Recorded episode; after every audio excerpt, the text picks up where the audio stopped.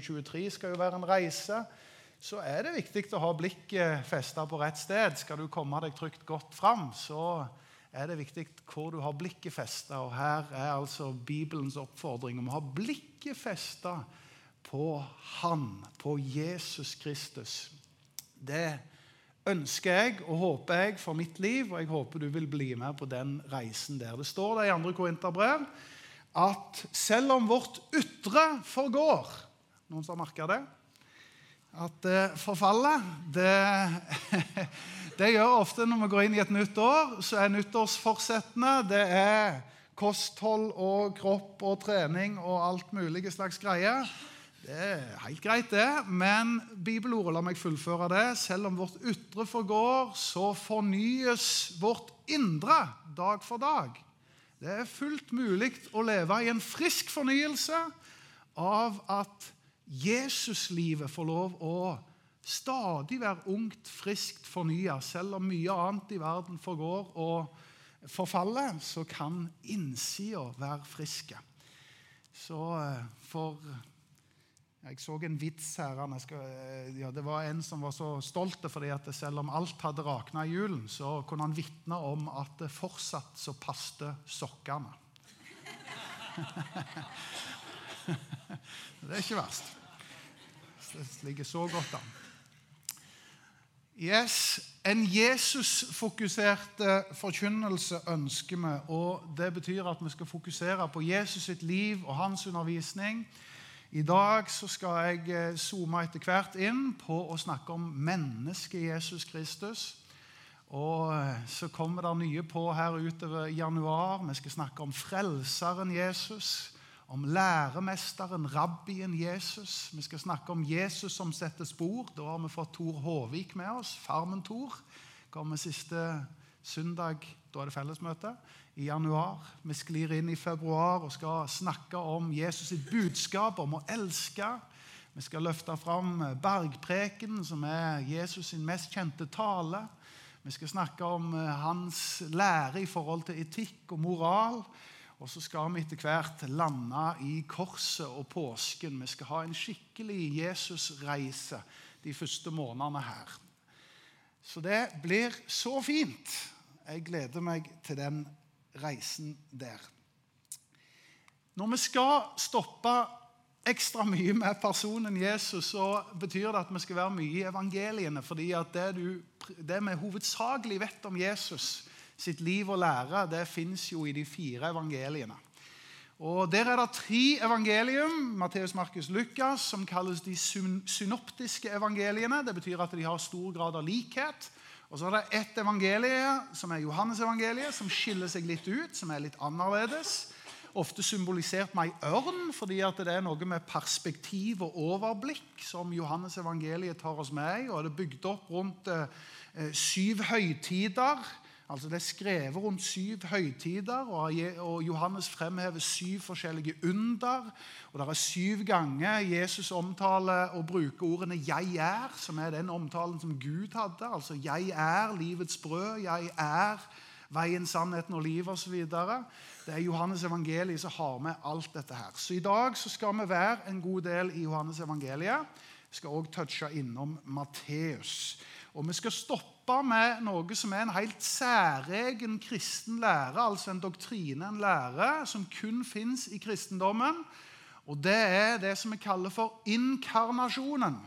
Og Noen er kjent med det, og andre tenker oi, himmel og hav, det svevde høyt. Det har jeg ikke peiling hva men det skal vi la bibelteksten forklare litt. Og skal snakke om hvorfor det er så sentralt og viktig å skjønne dette med inkarnasjonen.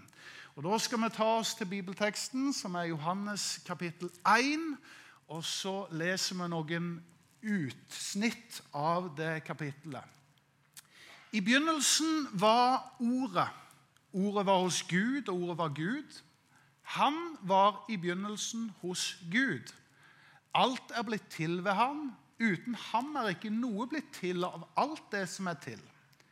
I han var det liv, og livet var menneskets lys. Lyset skinner i mørket, men mørket tok ikke imot det. Det sanne lys i vers 9, som lyser for hvert menneske, kom nå til verden. Før jeg leser videre, så skal jeg bare kommentere kjapt.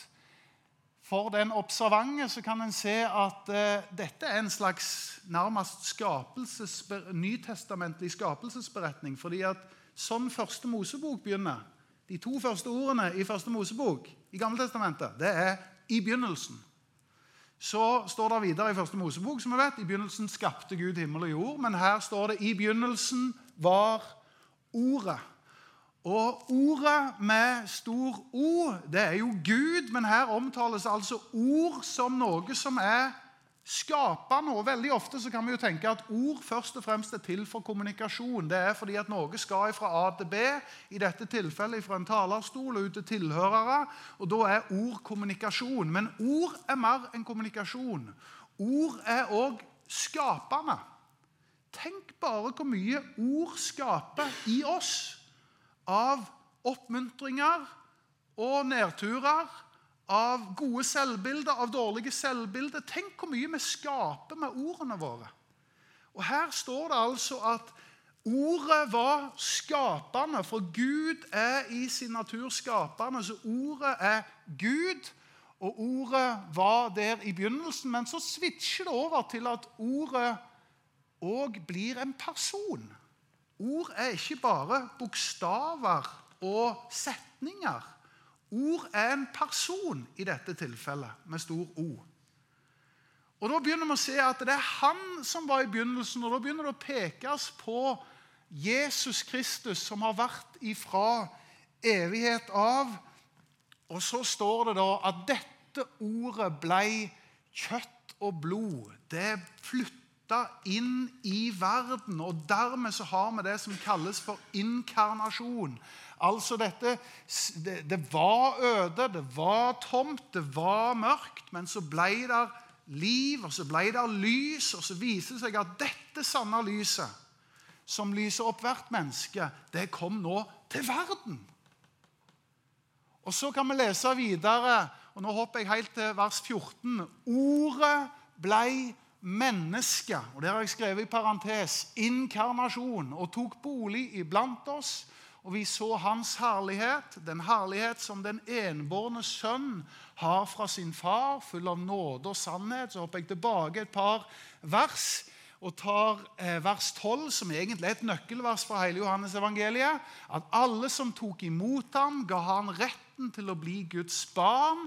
Og så står det det som er veldig sentralt, står 100 ganger i Johannes evangeliet. De som tror på hans navn.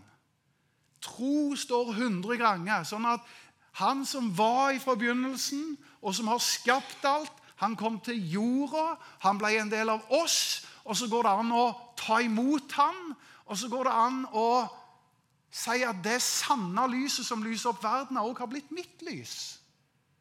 Og alle som tror på han, får ta del i det. Og av hans fylde har vi fått, og det er nåde over nåde. Hva er inkarnasjon? Chili con carne. Det kjenner vi til. Dere har spist det? Chili con carne. Er det spansk, det, eller? Carne må jo være spansk for kjøtt. Chili er chili, carne er kjøtt. Chili inkarnert i kjøtt er chili con carne. Det er to dimensjoner som er 100% men de er så, altså det er 100% chili og det er 100% kjøtt. Chili con carne de er så sammenvevd at de kan ikke skilles ifra hverandre. Du kan ikke si at det er 50-50. Det er all in av begge deler. Og de er helt sammenvevd som en u... Altså Det er en enhet som ikke kan rives ifra hverandre.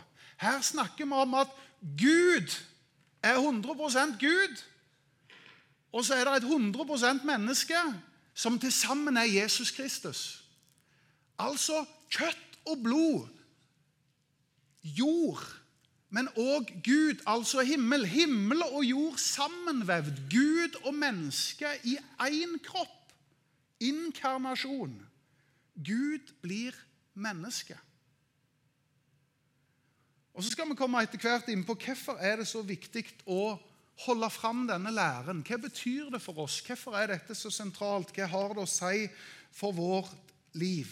Jeg har lyst til bare å supplere med en tekst som det står ganske annerledes, men som egentlig er parallellteksten fra Matteus kapittel 1. og Da ser vi hvor forskjellige Johannes evangeliet og Matteus evangeliet er. For Her står det i Matteus kapittel 1 hun skal føde en sønn, så det er tydelig at det er biologi, det er menneske, det er Maria som føder en sønn.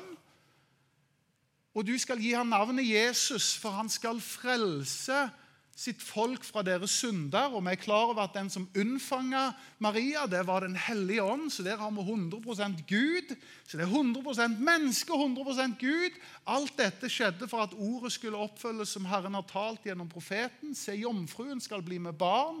Hun skal føde en sønn, og hun skal gi ham navnet Immanuel, som betyr Gud med oss. Så la oss stoppe litt med de ordene der. Gud med oss.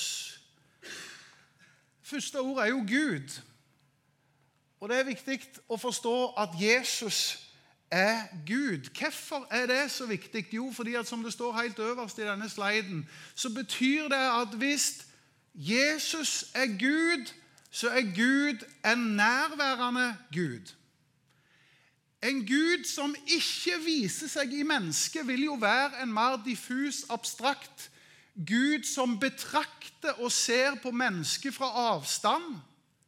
Mens en Gud som flytter inn i nabolaget og blir iblant oss, som blir et menneske, blir en nærværende Gud. Og Det er jo ganske sentralt å si at den kristne tro som vi omfavner tror på, og som vi kjenner, lever inni her, det er ikke en fjerntro, en avstandstro, en betraktende tro som bare er diffust, en ånd der ute. Gud er en nærværende Gud som har vist seg gjennom og i Jesus Kristus.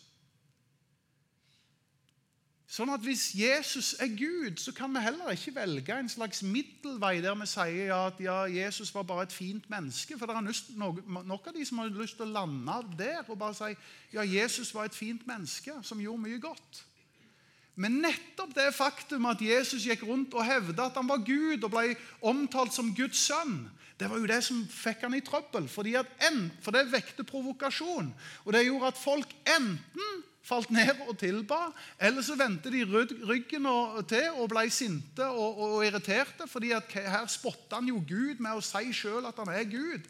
Altså, vi får denne dimensjonen av at når Jesus er Gud, så vekker det en reaksjon eller en, en greie av et valg. Skal vi vende oss til han, eller skal vi vende oss ifra han? Det fins ingen middelvei der Jesus bare er en snill mann som gjorde mye fint.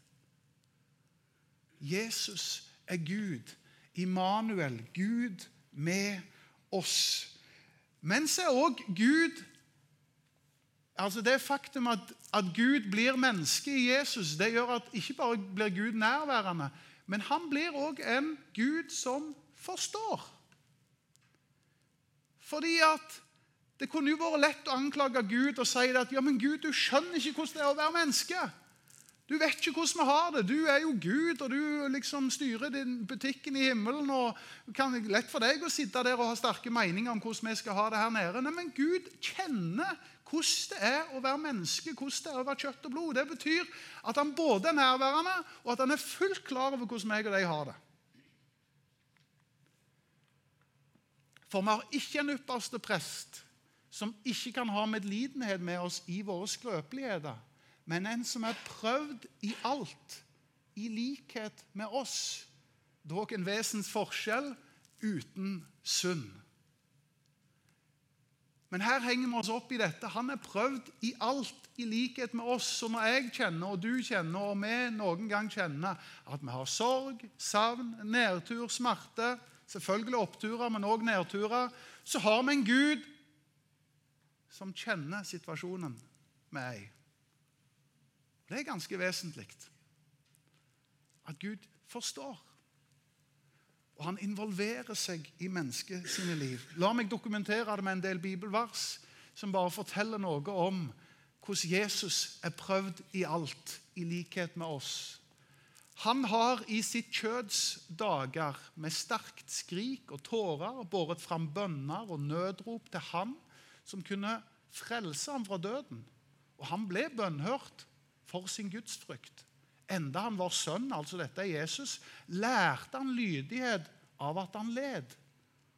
Og, han, og da han var, var fullendt, ble han opphav til evig frelse for alle dem som er lydig mot ham. Det er jo egentlig ganske spesielt at vi her leser om Gud, fordi at Jesus er Gud.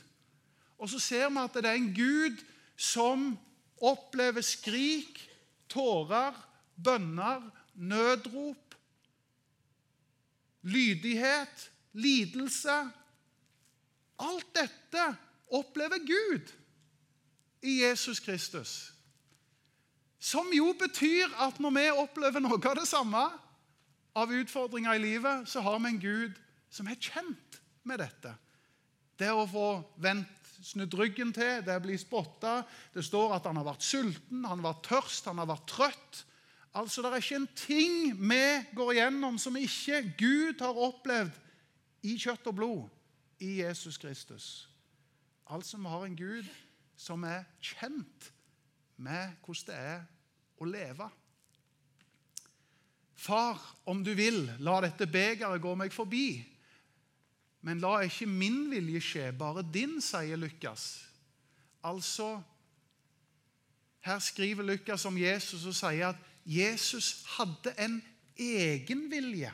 Ser dere at hans egenvilje er at 'la dette beger gå meg forbi'? Men samtidig så viser Jesus oss at det er mulig som et menneske å velge selvfornektelse. fordi at av og til så vil vi noe som ikke er det rette.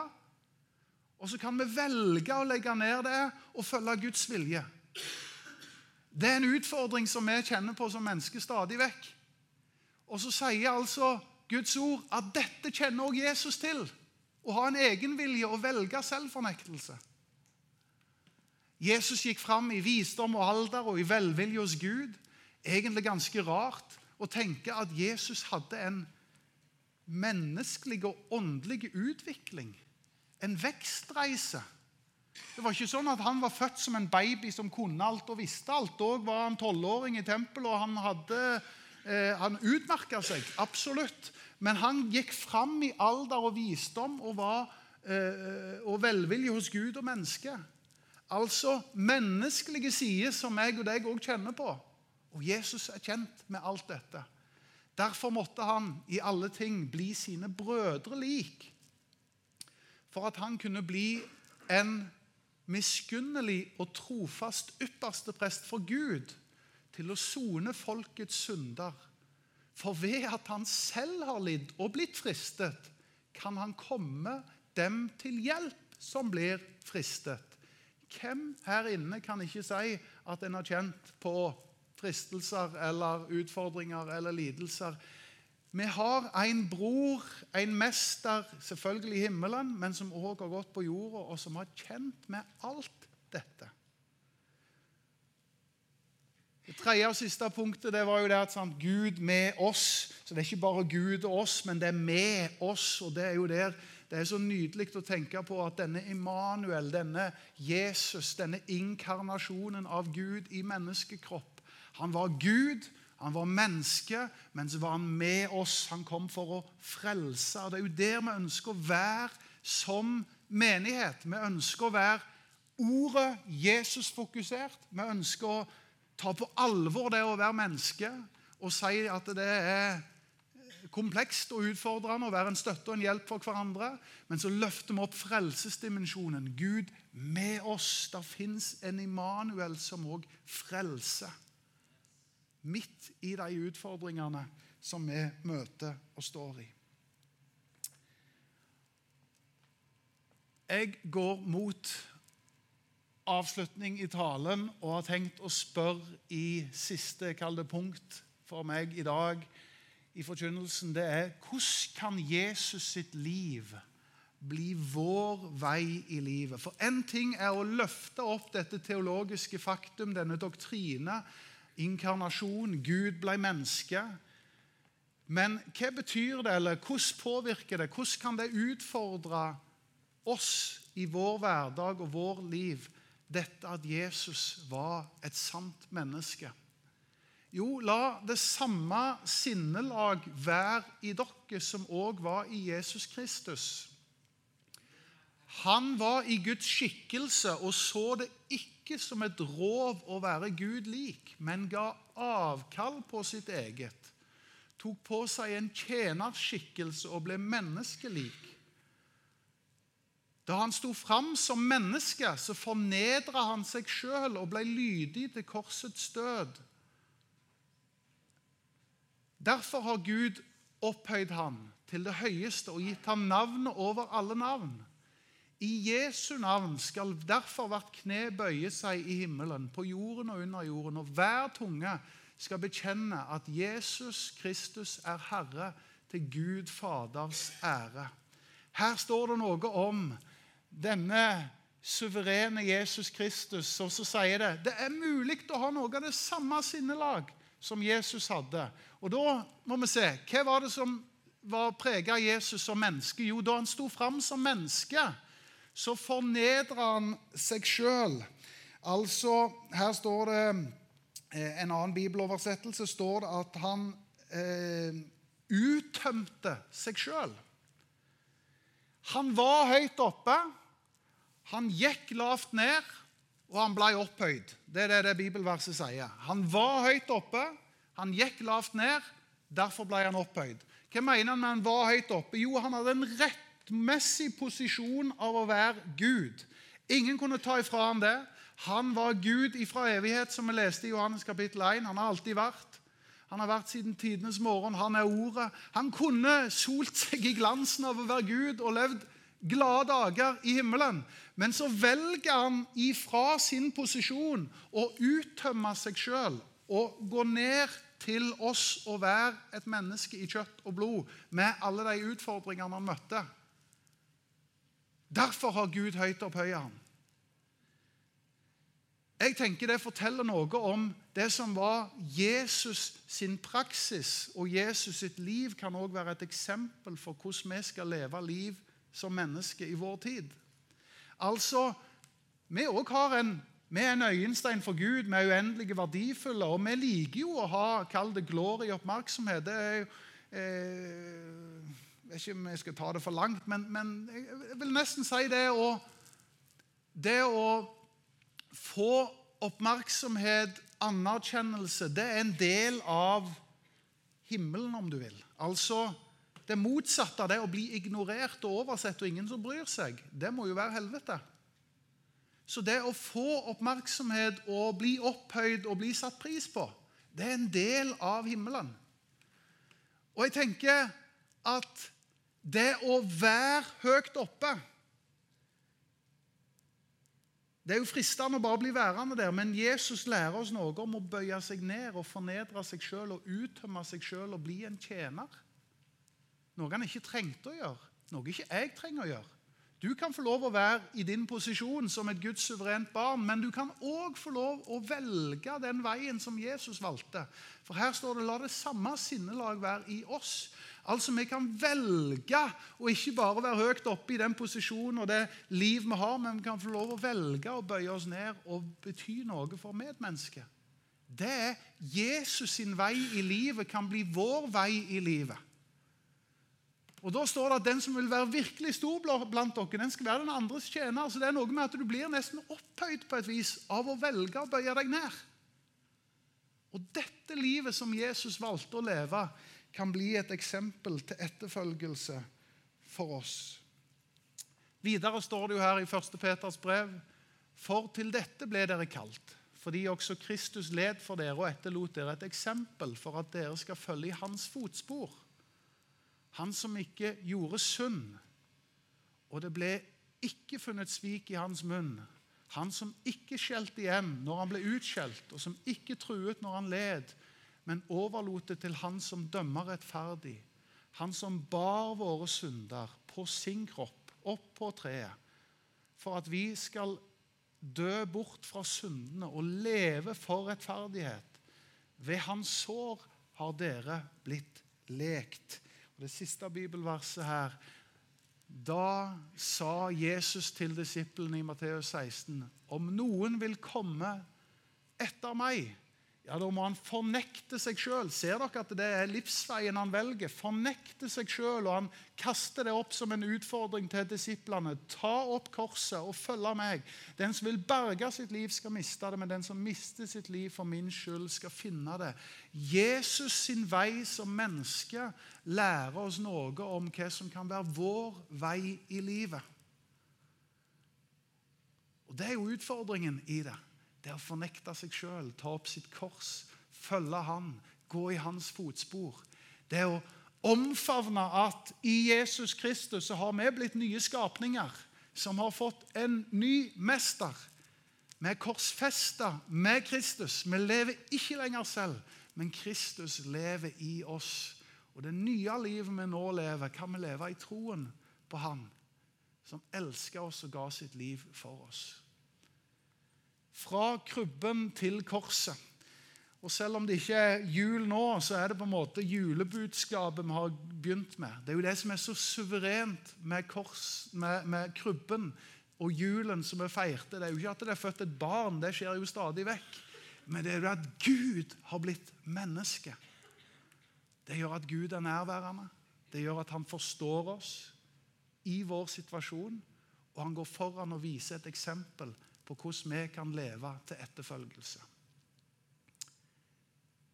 Amen.